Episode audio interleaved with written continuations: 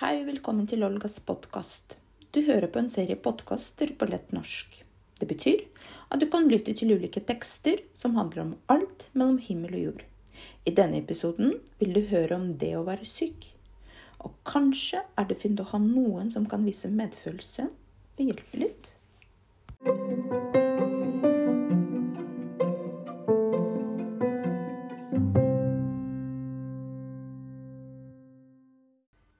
Forkjølet. Atsju! Atsju! Jeg nyser. Nesa renner. Jeg har hodepine. Jeg er forkjølet. Det er morgen. Jeg går ut på kjøkkenet. Så nyser jeg igjen. Å, så forkjølet du er, sier mamma. Du kan ikke gå på skolen i dag. Hun legger hånden på pannen min. Du er varm.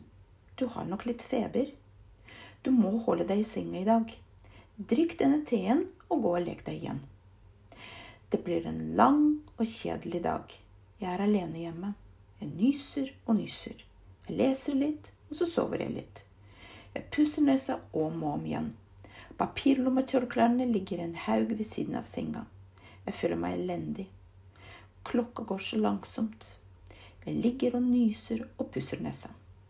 Ved firetiden kommer mamma hjem igjen. Hun kommer inn på rommet mitt. Hvordan føler du deg? spør hun. Elendig, svarer jeg. Stakkars deg, sier hun. Uff, det er sånn dårlig luft her inne. Her liker basillene seg. Vi må åpne vinduet og lufte.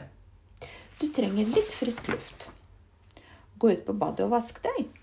Eh, du kan ta på deg en ren pysjamas mens jeg lufter. Da føler du deg bedre etterpå.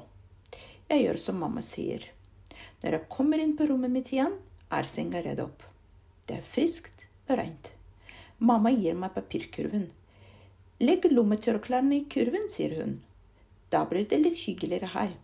Så gjør jeg det, da. Mamma kommer inn med et glass juice og tre tulipaner i en vase. Hun setter blomstene på skrivebordet. Drikk dette her, sier hun. C-vitaminer er bra mot forkjølelse. Snart er det middag. Det er deilig å krype ned i en nyoppredd seng. Jeg føler meg faktisk bedre nå.